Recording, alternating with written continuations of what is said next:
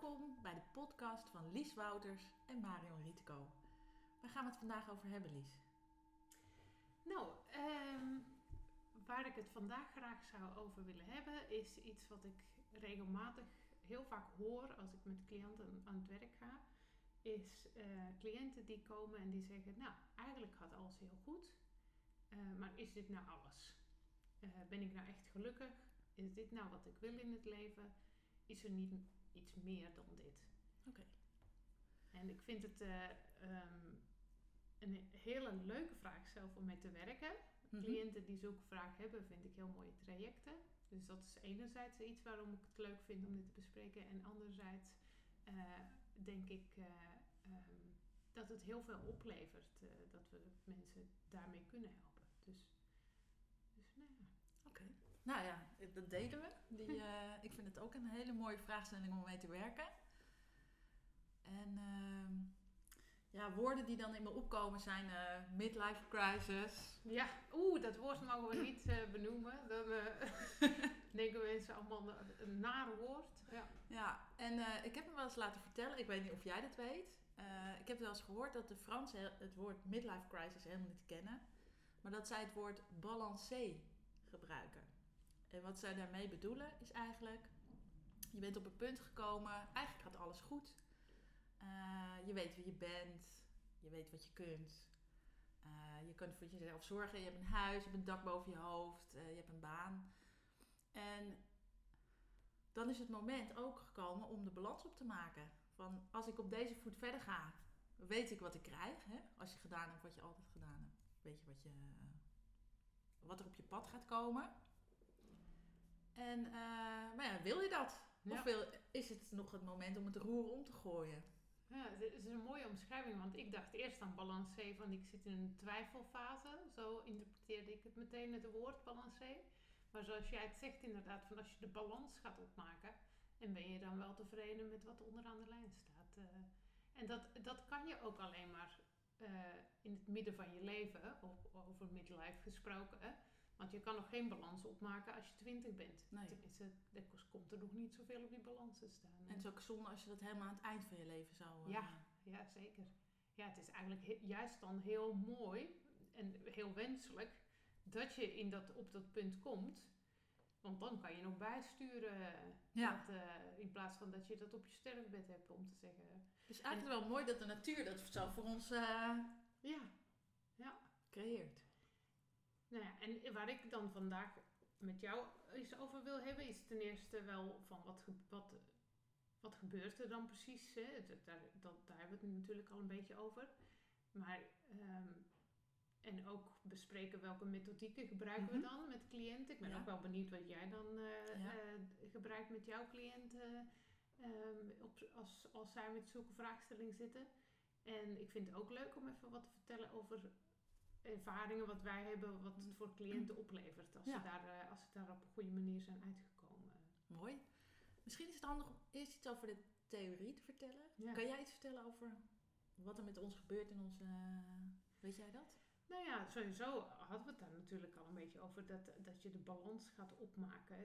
Dat, eh, ik, ik vind dat wel een mooie manier om, om, ja, ik krijg dan meteen een beetje visueel, hè. Ik ben een beelddenker, dus dan zie ik meteen iemand aan zijn bureautje zitten en, eh, en een balans maken van... Oh, wat eh, grappig. Ik zie een weegschaal voor me. Maar Wat Ja, zie je voor je? Een weegschaal. Een weegschaal, oh. en ik ben een weegschaal van uh, sterrenteken, maar eh, nee. Nee, de, bij weegschaal denk ik meteen eh, ehm, aan twijfel en... eh, Oké. En jij denkt echt aan, aan een balans zoals je... In de boekhouding, In de boekhouding. ja. Oké, Ja. ja, mooi. Precies. Dat, eh, nou ja, en ik denk ook dat je, eh, als je een balans opmaakt zoals de boekhouding, dan weet je op voorhand niet ehm, eh, welke waarde bepaalde dingen hebben.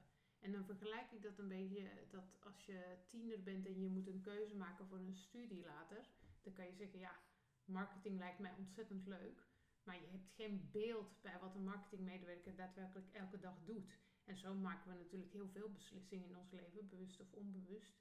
Waarvan we denken, ik koop een boot, want ik vind varen superleuk. Ja. Nou, dan kopen we een boot en dan hebben we twee keer gevaren. En dan staat die boot in de schuur. eh, lig je er drie jaar wakker van, want daar moet een keer geschilderd worden. Wanneer ga je dat nou eens een keer doen? Ja.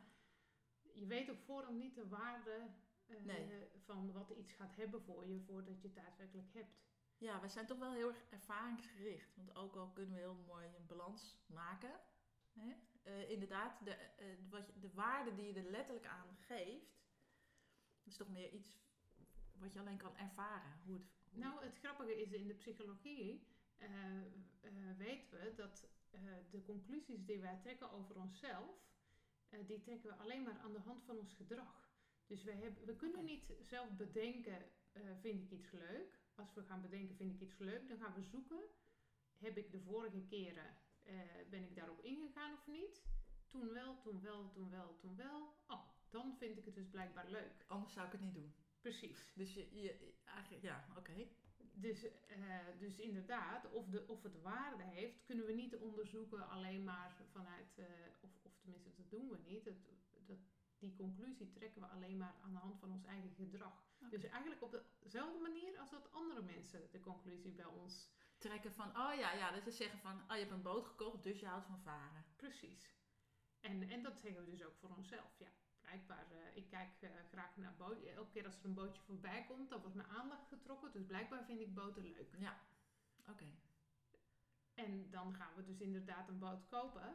En Ja. dan kunnen we er ook achter komen dat we naar boten kijken heel leuk vonden. maar eh, om elke keer die boot eh, uit de garage te halen en ergens naar een meer eh, te rijden en dan daadwerkelijk een halve dag op het water te zitten, Mhm. dat, dat, ja, dat dat toch niet leuker is dan andere dingen die we doen. Dat kan. En Wat, waar ik nu dan aan moet denken is wat Antonio Damasio zegt. Dat ook wel over theorie hebben. Dat ze hebben, vroeger konden ze alleen kijken in het brein op het moment dat een brein beschadigd was. Hè? Niet zoals we nu kunnen, dat je de verbindingen kan zien. En zij merkten dat mensen die eh, beslissingen gingen nemen, dus de balans gingen opmaken. eh, als dan hun, het deel van het emotionele brein beschadigd was, dat zij geen beslissingen meer konden nemen. En dat had eigenlijk niet zozeer te maken met de prefrontale cortex van een, letterlijk een balans maken. Ja, want Maar de prefrontale cortex, dus, dus inderdaad, hè, het voorste Ja. stuk van je hersenen, is eigenlijk degene waar eh, eh, gecoördineerd wordt. Dus waar beslissingen gemaakt worden. Ja. Maar jij zegt, die prefrontale cortex die was volledig intact. Ja. Eh, en toch konden ze de beslissing niet meer Nee. maken. Ze konden wel een balans opmaken, dus zoals een boekhouder dat doet. Hè, dus gewoon keurig van nou, dit staat links, dit staat rechts, het plus en de minnen. Maar ze konden er geen waarde aan toevoegen.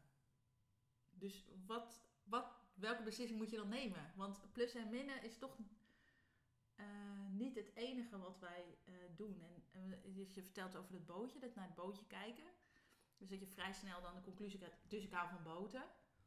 Ehm, en dat is mijn link naar Antonio Damasio. Dat gevoel is, misschien gaat het wel over een gevoel wat het kijken naar bootjes voor jou betekent. Zeker, zeker. Op het moment dat jij naar dat bootje kijkt en je krijgt daar een fijn gevoel van, daaraan denk jij van, hé, hey, dus ik vind dat leuk. Ja. Dat geeft mij een fijn gevoel. Dat fijn gevoel wil ik wel vaker eh, En je koppelt dat fijne gevoel aan dat bootje. aan die boot, precies. En, en dat is natuurlijk wat je in het boeddhisme ook zegt. We zijn eh, genotzoekende wezens. Ja, Dus als wij een prettige emotie ervaren, dan willen we daar graag meer van. ja en, en wij projecteren dan vaak, dat, hè, dat, dat vertelt eh, het boeddhisme, boeddhisme ons. Wij projecteren dan op het voorwerp. Dus wij denken, ik voel me nu gelukkig, want ik kijk naar het bootje. Dus het bootje is mijn object van geluk. Of het kijken naar het bootje is mijn object van geluk. Ja, precies. En, en eh, uiteindelijk als wij... eh, ja, eigenlijk gaan we dan ons, onze positieve emoties achterna. En dat doen we... Dat, dat is de manier waarop we, we ons leven richting geven. En eh, volgens mij, als je inderdaad... de- de- en, en jij noemt het midlife crisis.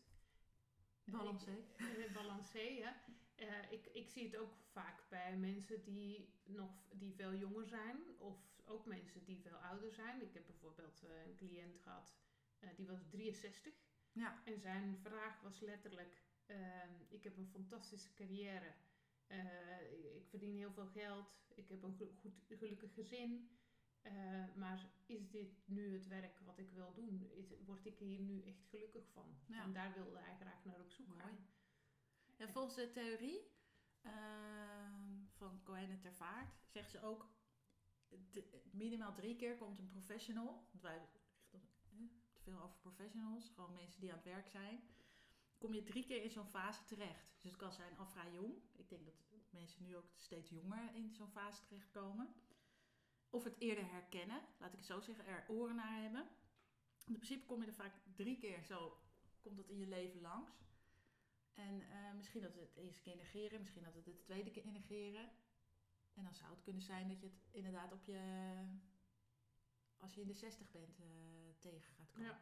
Ja, dus het is dan afhankelijk welke van de drie keer je het oppakt, eh, op welk moment in je leven dat je, dat En je, kan oppakken of dat, dat je, je er- met die ja, komt. ja. Ja. En eh, wat volgens mij gebeurt, is wat het, de essentie daarin is, is het stukje zingeving. Want als je kijkt naar werk, dan kijken we heel vaak waar ligt mijn talent? Eh, wat vind ik leuk om te doen? En wat heeft de wereld, eh, wat, wat, waar zitten mensen op te wachten? Hè? Als je bijvoorbeeld een bedrijf start, eh, of dat nou eh tandenstokers zijn of, of zorg voor oudere mensen. Mhm. Je, je kijkt naar waar ben ik goed in, wat vind ik leuk en waar is vraag naar. Eh, en het stukje wat ik denk waar we dan af en toe de mist in gaan, of de mist in gaan, waar we een missend puzzelstukje, denk ik dan, ja. eh, is zingeving. Ehm, van wat voeg ik toe aan de wereld? En dat herken ik dus ook in die cliënt van mij, die eh 63 eh, was op dat moment. Hij, deed, hij was supergoed in wat hij deed. Hij vond het ook leuk om te doen. En er was heel veel vraag naar. Eh, maar hij merkte op een gegeven moment dat hij eigenlijk dingen aan het brengen was. Er was wel vraag naar, maar dat was niet wat het beste was voor de mensheid. En hij zei uiteindelijk de conclusie van ons hele traject, eh, gaf hij aan, ik wil wel eens aan de andere kant zitten. In plaats van dat ik iets doe waar mensen naar vragen, Mhm. dat ik opkom voor de belangen van die mensen. Mooi. Eh, en, en daar was het stukje zingeving wat voor hem heel belangrijk in was. Ja, en ik denk ehm, dat zingeving vaak een beetje een vaag begrip is voor mensen. Ze denken, ja. eh, of of eh, dat het ook iets is, een luxe, luxe artikel. Van nou ja, ooit als ik later groot ben of als ik genoeg geld heb of wat dan ook, dan kan ik misschien wel eens met zingeving bezig gaan. En vaak dat het wordt gezien als een, als een, ja, als een luxe. En dat is nu, vind ik ook wel af en toe in de media, en soms ook wel van media, dat ik denk van nou, ik had van jullie wel wat meer verwacht. Ehm, want we kunnen ook proberen om die zingeving iets meer vorm te geven. Van wat is het nou eigenlijk? Ja, Omdat ik denk dat we heel goed zijn als mensen om te overleven. We hebben het, voor het eerst eigenlijk zijn we heel veilig in Nederland. En dan zou je kunnen zeggen, nou het is een luxe dat we ons nu bezig kunnen houden met zingeving. En we worden allemaal watjes, om het zo maar te zeggen. We kunnen niks meer hebben. Zelf kijk ik er iets anders naar. En dan denk ik, misschien is het juist wel een heel mooi moment om naar leven te gaan. En te zien eh, welke waarde dat, dat heeft. Om eh, dat je niet altijd bezig bent van de ander is de vijand of hoe kan ik meer krijgen dan de ander. Ik denk dat dat wel een ander soort eh, wereld oplevert. Waarin we misschien wel veel veiliger zijn, juist. Dat we daarmee onze eigen veiligheid creëren. Ja, en ik vraag me af, want jij, ik snap wat jij zegt, dat we nu dan meer bezig zijn met zingeving, bewust. Maar ik vraag me af of dat niet te maken heeft mee, met het feit dat als het veel moeilijker gaat, dat we, dat we sowieso al heel veel met zingeving bezig zijn. Oh ja. Want, want stel dat je in de periode leefde van de, van de Eerste Wereldoorlog Ja. bijvoorbeeld. Eh, dan waren er heel veel mensen die eh, of in het verzet gingen, Ja. of die eh, eten deelden met de buren, of die, ja, ik kan even Mhm. niet zoveel verzinnen, maar heel veel mensen waren bezig met zingeving eigenlijk, omdat door de omstandigheden moesten ze samen overleven en was je samen aan het kijken van hoe kan ik een bijdrage leveren, omdat het nodig was. Vind ik wel mooi, want eigenlijk maakt het dus. Ik ga heel kort door de bocht nu. Maar eigenlijk maakt het dus niet zoveel uit in welke periode je leeft. Je hebt altijd mensen die eh, op een of andere manier die zingeving, bij, wie die zingeving altijd prominent aanwezig blijft. Zelfs onder lastige omstandigheden. Eh, en mensen voor wie dat misschien wat minder geldt. Want eigenlijk zou ik denken, op het moment dat je echt eh, je heel erg bedreigd voelt, zou je ook kunnen denken van nou, dan eh, komt met name je overlevingsstrategie naar voren. Dus dan kan het zijn dat je juist heel erg vernauwend, dat het vernauwend werkt en dat je puur en alleen maar over je overleven nadenkt. En dat kan resulteren in ikke, ikke, ikke. Maar jij zegt eigenlijk van ja, dat kan ook heel goed resulteren in juist in wij. Ja, en ik denk dus dat, eh, dat er toen heel veel mensen met zingeving bezig waren. Maar er was helemaal geen tijd om erover te praten dat het zingeving was. Dat was gewoon vanzelfsprekend. Ja. ik denk nu ook aan uh, Etty Hillesen in de, in de Tweede Wereldoorlog. Uh, voor degenen die dat misschien niet weten, zij, uh, zij werkte eerst in het kamp omdat uh, Westerbork toen nog een, een vluchtelingenkamp werd. Er werden vluchtelingen opgevangen. En later werd het dan concentratiekamp, kwam zij er zelf terecht. Maar zij bleef eigenlijk onder al die omstandigheden juist heel erg met zingeving bezig. En zij zei ook wat wij dan vaak ook wel luxe noemen hè, in onze tijd. Van ja, gedichten, cultuur en zo. Dat is luxe, dat zijn franjes, dat hebben we eigenlijk niet nodig. Hup, schouders eronder en werken. Maar zij putte juist heel veel troost uit die gedichten. Om gewoon uh, op een hele mooie, zinvolle manier aan het werk te blijven in, in dat kamp. En juist voor elkaar te zorgen. Dus wat wij soms zien als een luxe is misschien juist wel onze grootste uh, veerkracht. Ja. De grootste krachtbron. Ja, en die automatisch wordt aangewakkerd op het moment dat het echt nodig is. Maar omdat het nu niet echt nodig is, moeten we daar zelf uh, mee aan de gang. Ja. En wat als jij, als jij nou cliënten hebt um, uh, die bij jou komen en die zeggen, nou ja, ik, uh, alles, ik heb alles voor elkaar, maar uh, is dit nu wat het is? Ben ik nu echt gelukkig? Wat, wat doe jij dan? wat ga, hoe ga jij dan met een cliënt aan de slag? nou, één op één doe ik meestal buiten, al wandelend. En voor mij is het altijd een hele goede indicatie van hoe gaat het met iemand hoe snel iemand loopt. Gaat iemand heel snel op zijn doel af? Is iemand heel soort doelgericht? En in hoeverre heeft iemand aandacht voor de omgeving om zich heen? En wat ziet iemand dan ja. als hij naar de natuur kijkt? En uh, dus daar zou ik eigenlijk mee beginnen. Van, uh, eerst het verhaal aanhoren en dan filter ik er het een en ander uit. Maar ook eens te kijken van nou, hoe, hoe, hoe staat diegene ten opzichte van de natuur? Omdat het op een of andere manier ook heel veel zegt over onze eigen natuur. Hoe dicht je bij je eigen natuur staat. En uh, het is dan op dat moment vooral in eerste instantie uh, luisteren. En ik ben altijd heel benieuwd hoe iemand zich uh, helemaal uh, identificeert met zijn verhaal. Of met de rol die hij denkt te hebben. Hoeveel ruimte zit er tussen wie je denkt dat je bent. En is er nog ruimte om te ontdekken dat je meer bent dan, dan dat. Ja. ja. Nou ja, ik denk, ik, ik, ben, ik weet zelf, um, ik, ik, ga, ik werk sowieso vanuit de overtuiging dat mensen eigenlijk alles zelf weten. Mm -hmm. uh, als je het hebt over, ja. uh, um, ja. is dit nu alles? Ja, als je dat die vraag al stelt, dan weet je al.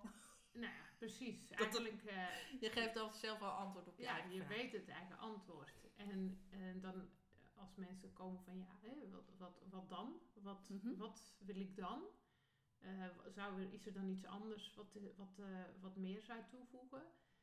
ook dat ben ik overtuigd, weten mensen ja. zelf. Um, want eigenlijk um, hoe jou, wat, jou, wat jij belangrijk vindt, dat weet je wel. Mm -hmm. Alleen niet altijd in je bewustzijn. Heel vaak in je onderbewustzijn. Dus ik zie het eigenlijk als mijn taak als coach. Dat als, je, als iemand bij mij komt, dat ik help uh, om dat bruggetje uh, te bouwen tussen ja. je bewustzijn en je onderbewustzijn. Mooi, ja. En dat ik help om die informatie te gaan halen uit je onderbewustzijn. Want uiteindelijk is daar je antwoord. Ik, Ja. ik kan jouw antwoord niet geven. Ik kan niet tegen mensen gaan zeggen: Oh, maar als je dat nu gaat doen, Nee. dan, dan eh, ben je hier doorheen. Eh, Ja. dan, eh, dan, dan ga je echt gelukkig zijn. Ja, ik zie ook wel vaak dat mensen, wat jij zegt, hè, of dat je het onbewuste, dat ook veel mensen eigenlijk bijna niet meer durven te dromen. Want ja, het heeft wel consequenties. je staat dan op belemmeringen. Dus ik denk dat dat, dat dat voor mij altijd heel interessant is om eigenlijk in het begin daar, dat ben ik dan aan het observeren. Van hoeveel ruimte gunt iemand zichzelf om.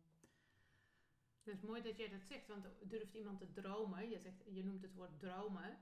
En inderdaad, dromen is een, is een brug tussen je onderbewustzijn en je bewustzijn. Hè? Want eh, je dromen vertellen eigenlijk al ook eh, voor een deel waar je naartoe wil. Eh, maar we, zijn, we worden eigenlijk allemaal wel grootgebracht. Doe maar realistisch. Kijk Ja. maar gewoon wat kan. Ja. En eh, soms vergeten we, eh, of tenminste worden we verteld dat het goed is om niet te veel te luisteren naar onze dromen. Terwijl dat al een manier is, dat is al één, dat is ook al een methodiek. Hè? Eh, Ja. als je kijkt naar het boek wat ik heb geschreven Ja. met Monique, hoe dan, daar, daar vertelt Monique ook, toen zij op dat punt kwam in haar leven, want, want Ja. eigenlijk heeft zij ook op dat punt gestaan van, ja, ik heb nu alles, maar is dit nu waar ik gelukkig van word? En de eerste stap die zij heeft gezet, is haar dromen gaan opschrijven. Da- Ja. Dus daar, dat is sowieso, als je dat kan, en ik, Ja. ik snap wat jij zegt, want bij veel mensen is dat al een stap te ver. Hè? Ga je dromen opschrijven? Ja, pff, geen idee wat zijn mijn En zo dromen. begon ik in het begin ook altijd. Ik, ik begon altijd. Mijn eerste stap was altijd ehm, een tekening te maken. En dan één was je, je werkelijkheid, waar je nu zit, maar wat je denkt van nou, het mag voor mij wel, eh, mag voor mij wel anders. Om dat te tekenen. En vervolgens in de andere tekening iets te tekenen wat je graag zou willen. Ehm, en ik merkte dat het voor heel veel mensen heel lastig is om bij die droom te komen. Dus wat ik eigenlijk altijd doe, is eerst de indicatie van hoe kijk je om je heen? Eh, durf je je pas te vertragen? Dat geeft mij al een aantal indicaties van in hoeverre en wat is er dan nodig om, om die droom weer, om daarbij te komen en om dat, dat bruggetje, over dat bruggetje heen te lopen, weet je wel, van je onderbewuste. Ja. Omdat voor heel veel mensen toch nog is eh, dromen, nou dat kan alleen maar op een mislukking, teleurstelling uitlopen. Of eh, ze zijn soms al bang om überhaupt de hoop te hebben. En ik merk dat het ook heel belangrijk is om te zien van, ja maar wat zijn de randvoorwaarden? Wat vind ik echt belangrijk? Wat, wat wil ik zeker behouden van wat ik nu heb? Of wat, wat, wat, wat biedt me veiligheid of zo? Eh, om dat in kaart te hebben, om vervolgens de stap te kunnen maken. En dan zeg ik ook altijd letterlijk van, nou maar je kan gewoon tegen je brein zeggen van, nee maar het is maar een dagdroom. Je hoeft je geen zorgen te maken, er gaat niks veranderen. Het blijft gewoon zoals het is. Eh, omdat op een of andere manier, ik weet niet of jij daar iets aan maar dat wij toch ergens ons brein en ons zenuwstelsel ons, ons graag in dezelfde situatie wil, eh, wil laten houden. Dus die, wat ik merk is dat mensen die de is dit alles fase komen, het heel vaak zo is dat ons brein, ons zenuwstelsel, onze emoties zijn allemaal ingericht om het te doen op een bepaalde manier. En dat het bijna tegen onze natuur in voelt om een andere stap te nemen. Dus dat je je onderbuikgevoel op dat moment ook vrij lastig kunt vertrouwen. Ja, precies. En, en ik denk ook dat dat een heel belangrijk is. Want heel veel mensen raken... eh, je hersenen zijn heel slim daarin. Hè? Eh, zij willen niet veranderen. Nee. Dus zij gaan allerlei manieren bedenken om jou te overtuigen dat, je, dat jij ook niet wil veranderen. Nee. Dus wat wil ik echt? Eh, ja, het liefste wil ik eigenlijk Gewoon dat het blijft zoals dat- het is. dat alles blijft zoals het is, Ja. inderdaad. En, en dat heeft te maken met het feit dat je hersenen heel hard moeten werken. eh, überhaupt al, gewoon om de dag door te komen.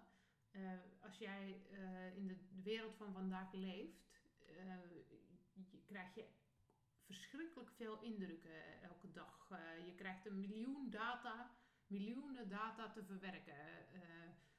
Als je kijkt naar social media, naar, maar ook gewoon als jij naar het winkelcentrum loopt. Ja, alles wat je onderweg ziet, dat neem je wel niet bewust waar, maar wel onbewust. alles wat je hoort, precies. Alles wat je ziet.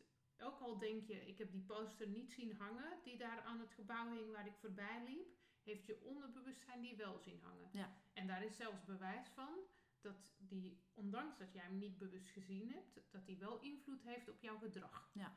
Dus, dus bijvoorbeeld als jij langs een, eh, een winkelgalerij loopt en er zijn allemaal posters, agressieve posters die er hangen. Ook al ben jij druk in gesprek met je collega en heb je helemaal niet gezien wat daarop hing. eh, zou- eh, kan dat invloed hebben dat je je agressiever gaat gedragen op een gegeven moment. Dus, dus alles wat er in de wereld is, Ja. verwerken je hersenen op een bepaald niveau. En daarom zeggen je hersenen, ik moet mezelf een paar trucjes aanleren om dit te behappen, want anders sla ik Ja. tilt. Ja, dus je, je bouwt, ehm, zoals ik dat dan noem, een aantal filters in. En eh, dus je, je, je kijkt naar, naar een, eh, een, een deel van de werkelijkheid wat je bewust, bewust waarneemt. Ja, en, en ik zeg zelf altijd, ik hou niet van hokjes. Ik wil, ik wil niet in een Maar hokje wel. worden. Mijn hersenen zijn gek op hokjes. eh, zoveel mogelijk Ja. en zo duidelijk mogelijk en zo strak mogelijke Ja. kaders. En het liefst vijf of zo, toch? ja. Precies. Ja, Dus, eh, eh, dus mijn hersenen, die, die eh, en niet alleen mijn hersenen nee, uiteraard. iedereen ze... De menselijke, het menselijk brein is zo ingesteld dat ze zo min mogelijk energie willen spenderen om, om, om bepaalde dingen te doen. Dus dan krijg je patronen. Patronen die eh, vast liggen. En als die vast liggen, dan kosten die weinig energie. En Dus dat als- wordt uiteindelijk je persoonlijkheid, toch? Die patronen, dat herhaal je. Nou ja, daar, daar zijn je emoties aan gekoppeld. Dus eh, daar is je gevoel van veiligheid aan gekoppeld. Eh, je hersenen zeggen, zolang je binnen dat patroon zit, is alles tip-top in orde. Ja. Dus dat is inderdaad wat jij zegt als jij op een gegeven moment denkt van ja, iets anders. Ehm, eigenlijk zijn wij op ingesteld, doe maar niet. Want dit Ja. heb ik nu een patroon van gemaakt. Dit kost mij weinig energie. Dit is goed voor mij. Mhm. Energiebesparend is goed voor mij. Eh, dus dat behouden. Ja. En, en dat is eigenlijk natuurlijk, als het een patroon is wat je in de problemen brengt, eh, dan is dat helemaal niet waar. Nee, maar, maar je, je reageert wel alsof het waar is. Want het voelt ook alsof het waar is. Want je, ik noem het altijd... Die hele kermis in ons gaat al aan alsof het waar is. En eh, met die kermis bedoel ik je hormonen, je, je, je zenuwstelsel, en je brein. En Ja. die gaat je allemaal vertellen van... nee, maar dit is echt wel de beste keuze die je kan maken. En dat vind ik ook de uitdaging als coach. Als jij een cliënt hebt die zegt van ja, is dit nu alles? En je gaat met je cliënt op zoek naar wat wil je graag echt. Ehm, dat je je niet laat verleiden om, ehm, eh, om je cliënt, om zijn hersenen te laten bepalen eh, dat het toch wel goed is. Ja. Ja, en ik denk dat daar dat punt eh, is eh, voor mij ook om ik het fijn vind in de natuur te gaan en wat ruimte te creëren. Ja. Dus eigenlijk, eigenlijk wat ruimte tussen wie je denkt dat je bent en dat wie je denkt dat je bent, ja, in de spiritualiteit noem je dat snel het ego of zo. Ik vind het zelf niet een prettig woord. Maar wie je denkt dat je bent, is je persoonlijkheid. En dat zijn eigenlijk je gedachten, je patronen, je emoties en zo. Als je daar een beetje langzaam een beetje ruimte tussen krijgt, dat je denkt. ehm, want in die ruimte kan je in één keer zien van, oh, maar er zijn misschien nog wel andere dingen die ik eh, leuk vind. Of eh, Ja. ontstaat er weer, weer ruimte voor het onderbewuste. Ja, en wat ik een leuk voorbeeld daarvan vind, is eh, bijvoorbeeld iemand die op zo'n fase komt, is dit nu alles? En eh, die een eh, Porsche Cabrio gaat Ja. kopen. Ja, opgelost. Ja, Eh, ik hoef zelf mijn patronen helemaal niet te veranderen. Nee. Het is lekker rustgevend. Porsche is toch waar iedereen van droomt. Nou ja, niet Ja. iedereen. nee. Maar Ik is wel zo'n- maar- Nou ja. maar dat is zo- zo'n manier waarop je hersenen vertellen: oh, doe dat dan maar. Ja. Dat is lekker makkelijk. Energiebesparend ook voor de hersenen. En het voelt dan ook, je voelt echt in je onderbuik van, maar Dit is dit hem. is wel echt. En ehm, En ik dat denk, is wel maar een tijdelijk gevoel vaak. eh, Ja. dat, eh, totdat je weer denkt van, nou, maar er moet een hele mooie, eh, nou voor mannen dan, ik denk meteen aan, bij een kopen aan een man, heel gek. Over stereotypen nou, en hokjes gedenken. zeggen, Ik, ik zou je Maar zien terwijl ik zelf elkaar ook wel een Porsche zou willen. Ja. maar eh, oké, maar er moet dan meteen ook een andere man of een andere vrouw bij, weet je wel. Dat Porsche zelf niet. Maar ja, je zit nog steeds met diezelfde vrouw of dezelfde man. Dus Ja. eh, er moet dan ook maar een andere... Dus eigenlijk, eh, je, de omstandigheden worden eh, veranderd om maar niet iets in jezelf te veranderen. Dus het, eigenlijk weer het begin van het gesprek, het bootje. Ja. Dus alles wordt geprojecteerd naar buiten toe. Terwijl eigenlijk wij allebei eh, de mensen uitnodigen om de weg naar binnen toe te, te vinden. Ja. En ehm, ik denk de weg naar binnen toe is eigenlijk ook weer de stilte opzoeken. En eens te kijken van... Wat ik denk probeer te doen... Nu we het er zo over hebben... is proberen we mensen in contact te brengen met hun intuïtie. Wat voor mij iets anders is dan onderbuikgevoel. Ja. Eh, En want waar- onderbuik, wat is het verschil? onderbuikgevoel heeft heel vaak te maken met... eh, dat koppel ik dan eigenlijk een beetje aan het reptiele brein. Dus aan het overlevingsbrein. Dus het onderbuikgevoel is heel snel gericht op overleven. Op angst. op angst. En wat ik probeer te doen is mensen door te dromen, intuïtie hun hart open te stellen. En op een of andere manier is dat hart voor mij wat meer verbonden met ruimte en met eh, intuïtie. En hoe doe je dat? Mensen eh, in contact brengen met hun intuïtie? Nou, ik denk dat de natuur daar enorm bij helpt. Stilte, langzamer lopen. En ehm, rust. En wat doe jij specifiek? eh, Ehm, ik, ik werk heel veel met de theorie van eh, Barbara Fredrickson, ja? Bronnen en Beeld. En met Boeddha's brein. Die zeggen ongeveer hetzelfde. Dus Rick Hansen van Boeddha's brein zegt ongeveer hetzelfde over intuïtie. Dus over de ruimte, over het onderbewuste. En wat ik zelf in het begin vooral doe, als mensen net bij me komen, is heel erg let op mijn eigen zenuwstelsel.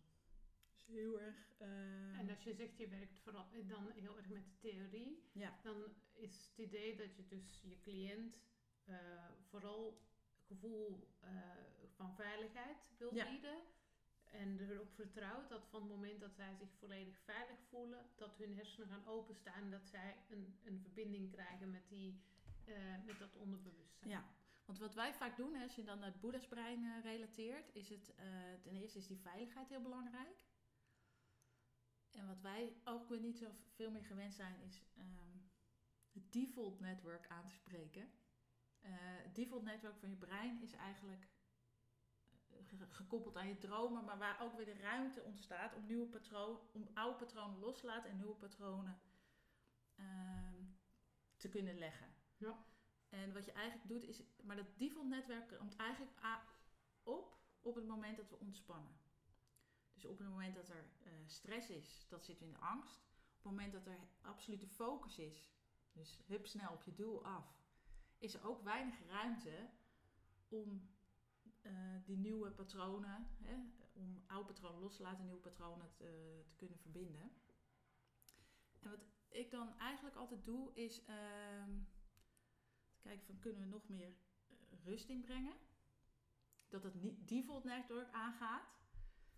En bij veel mensen kan het dan ook zijn, als het default network aangaat, dan eh, komen eerst ehm, nou, wat, de, de- wat angsten boven. Of ben ik wel veilig? Vind je me wel aardig? Dat soort dingen, want daar is dat default network ook op gericht. Want die gaat ook altijd zoeken van, ben ik veilig in deze omgeving? Ben ik veilig met deze mensen? Is het hier oké?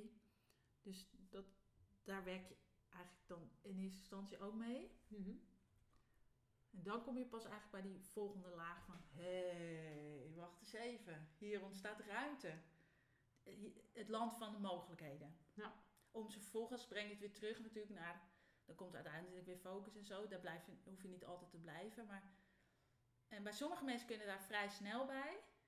En voor sommige mensen duurt het wat langer. En ik vergelijk het altijd een beetje metaforisch met de... Ik heb konijnen los in de tuin. En wat de konijnen doen op het moment dat ze ehm, in een nieuwe ruimte komen. Dus stel ze hebben, ze hebben wat minder ruimte en ik geef ze daarna weer meer ruimte.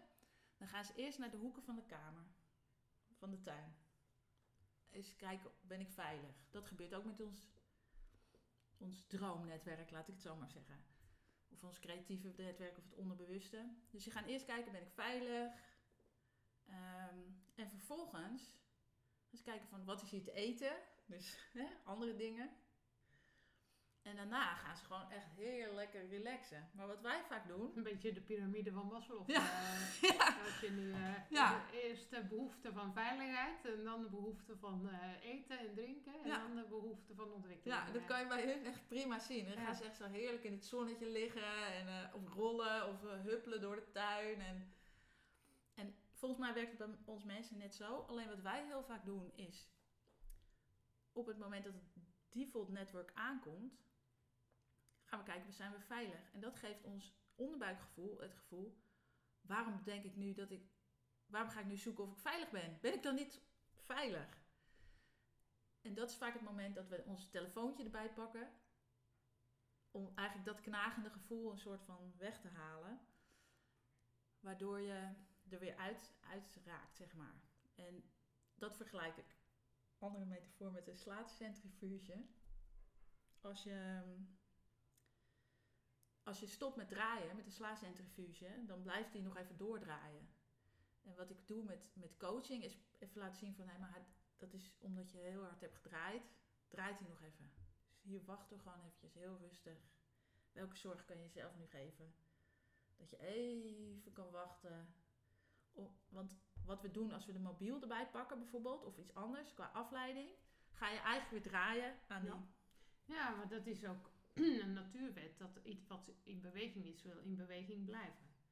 Eh, en dat is natuurlijk wat jij zegt. eh, is, is, ehm, eh, je, je bent eigenlijk inderdaad in, in, die, sla- als je, in die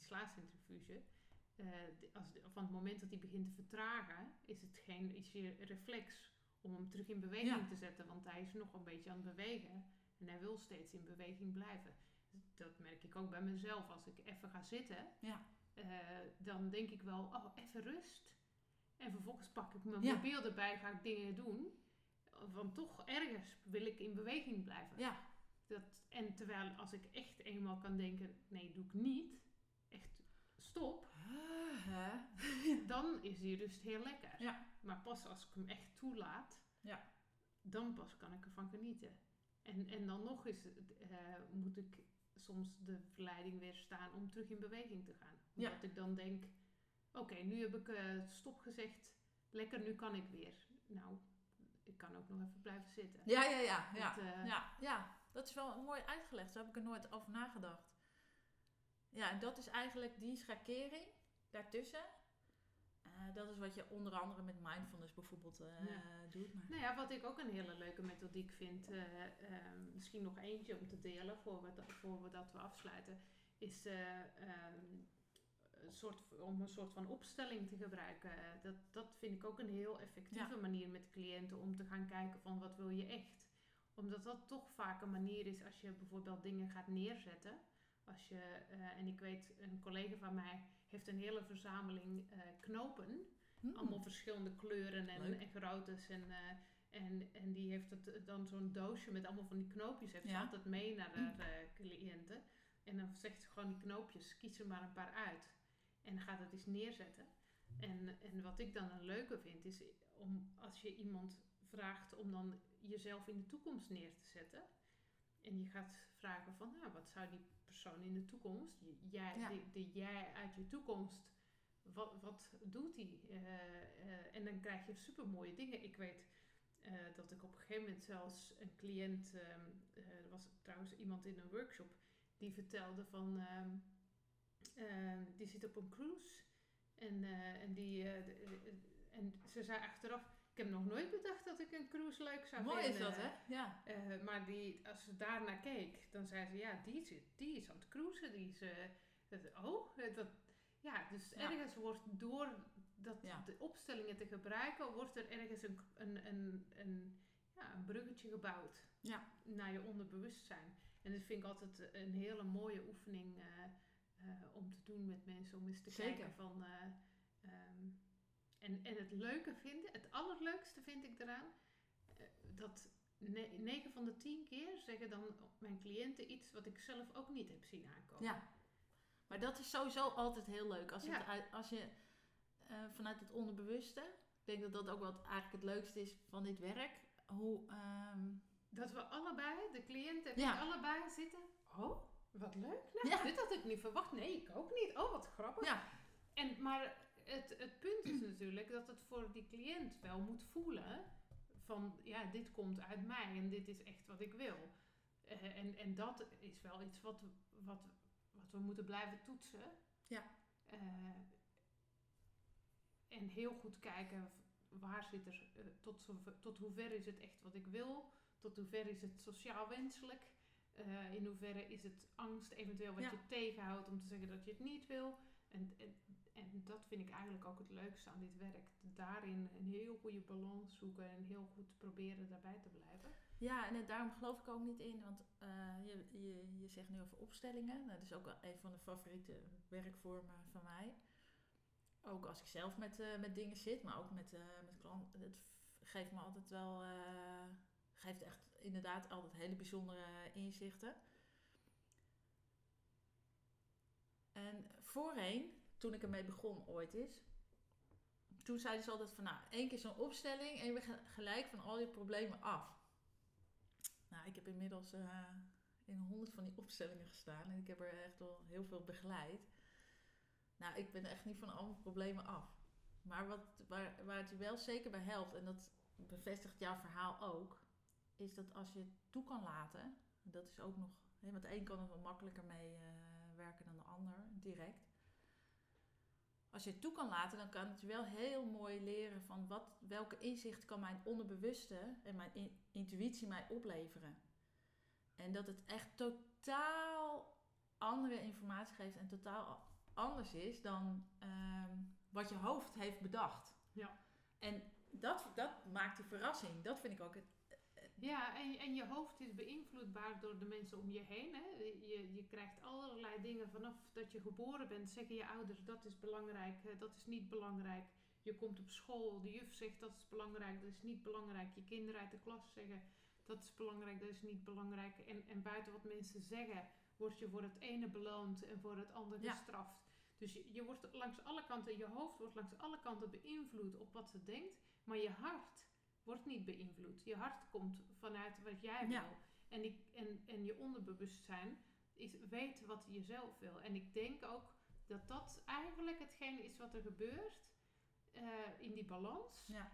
Dat je gaat kijken in hoeverre heb ik mij laten leiden door alles wat andere mensen mij hebben ingegeven.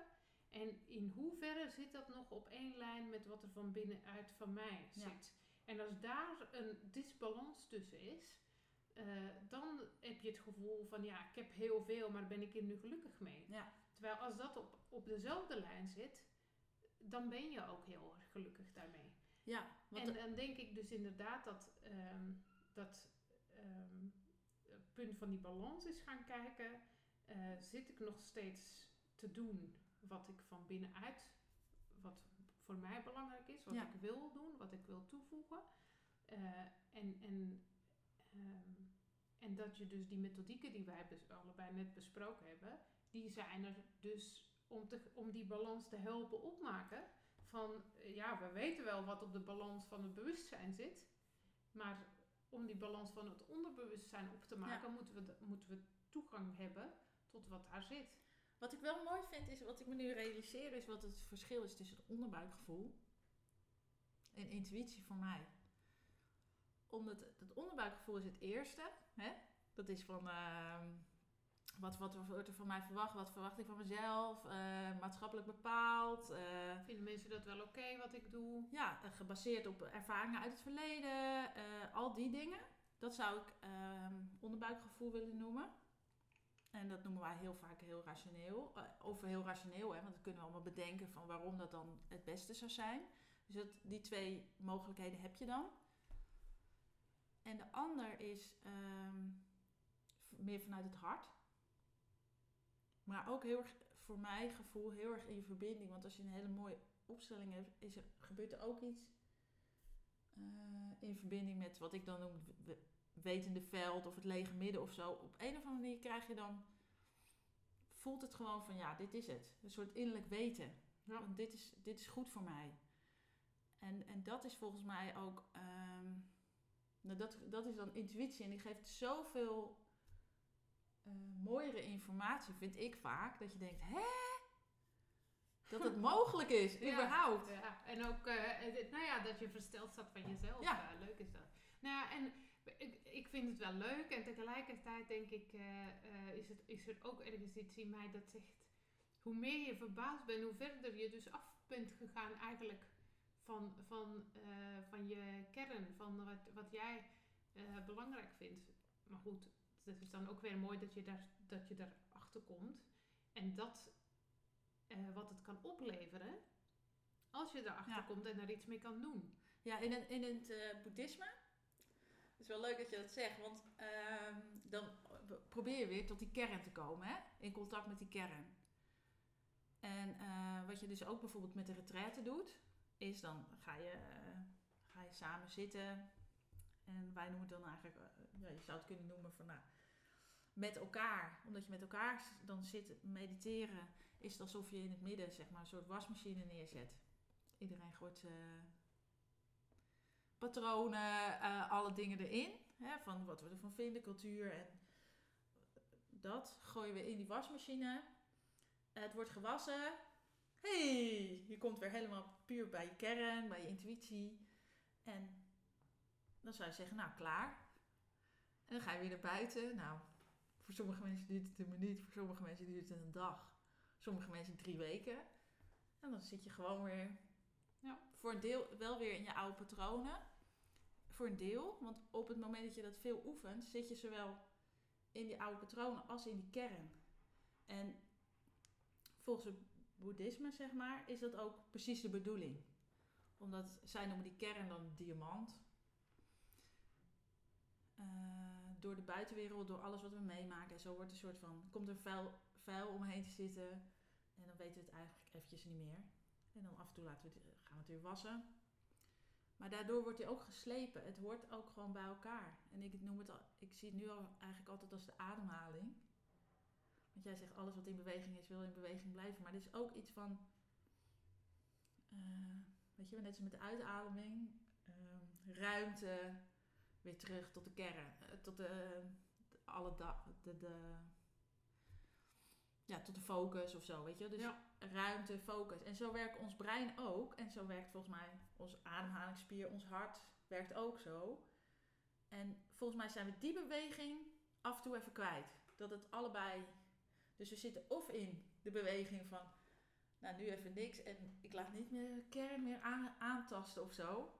Of we zitten in de beweging van ja, en tegelijkertijd denk ik uh, bij cliënten dat het um, ook al kan zijn dat als, uh, als je zo'n situatie succesvol uh, kan afronden met, met, met, je coachingstraject of, of, of al, al doe je het zonder coach, maar als je daar op een gegeven moment achter komt van ehm, wat heb ik dan nodig extra om dat gevoel te beantwoorden, die vraag van is het nou alles? Ja op het moment dat je daarachter bent van, van het stukje wat nog ontbreekt, wat je onderbewustzijn nog heel belangrijk vond, wat niet ingevuld is, uh, dan uh, ga je wel veel gelukkiger voelen. En natuurlijk kan je later in je leven in, eh, in eenzelfde soort fase terechtkomen en is dat ook goed.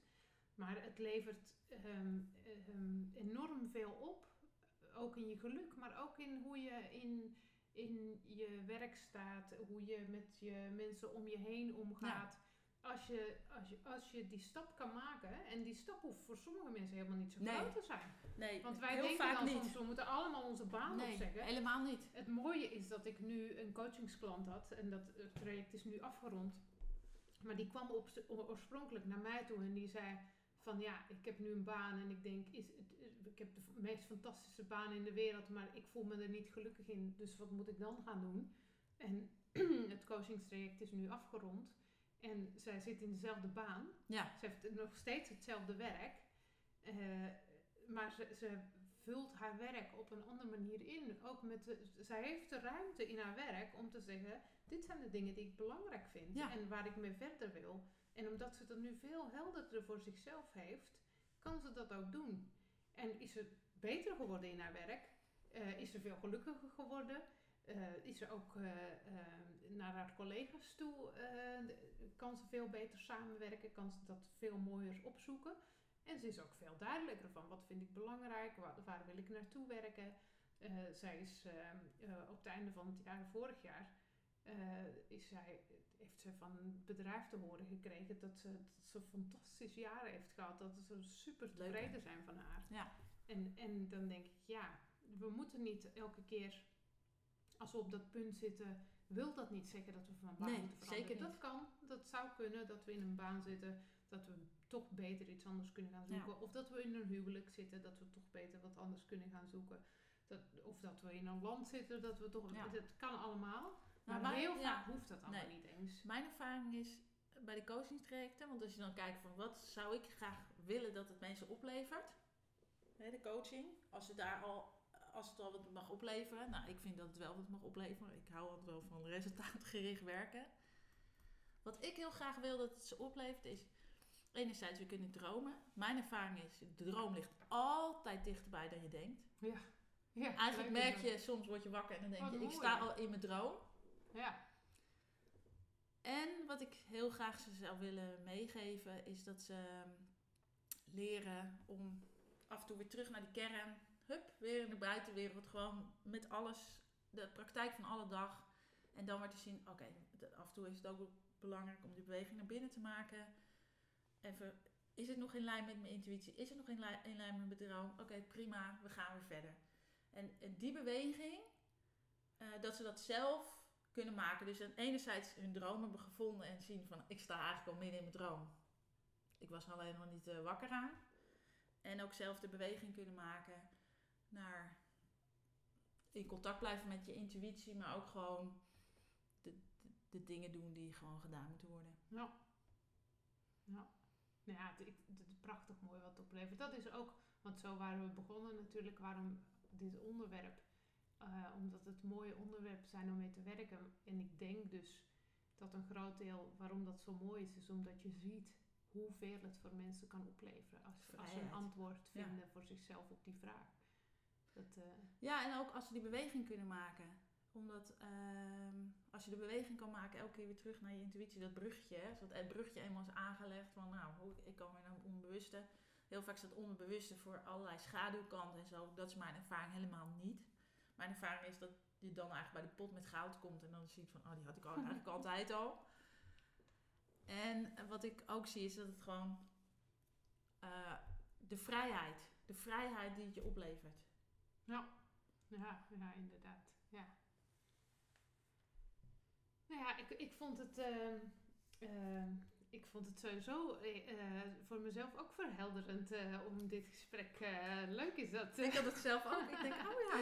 Ja, dan krijg je toch ook elkaars inzichten die weer aanvullen. leuk is dat. Ja, ja, en ik heb ook het idee dat jij ook wel woorden kan geven aan ik doe heel veel op intuïtie, maar woorden kan geven aan die intuïtie. Dat vind ik ook wel, uh, voor mij is dat heel fijn. Dus uh, ik heb, het heeft mij zeker ook wat opgeleverd. Ja. Nou, ik hoop dat onze luisteraars uh, er ook wat aan hebben. En dus dan gaan we hier de tweede aflevering van onze podcast afsluiten. En dan zien we jullie, of zien we, horen we jullie graag in onze volgende podcast.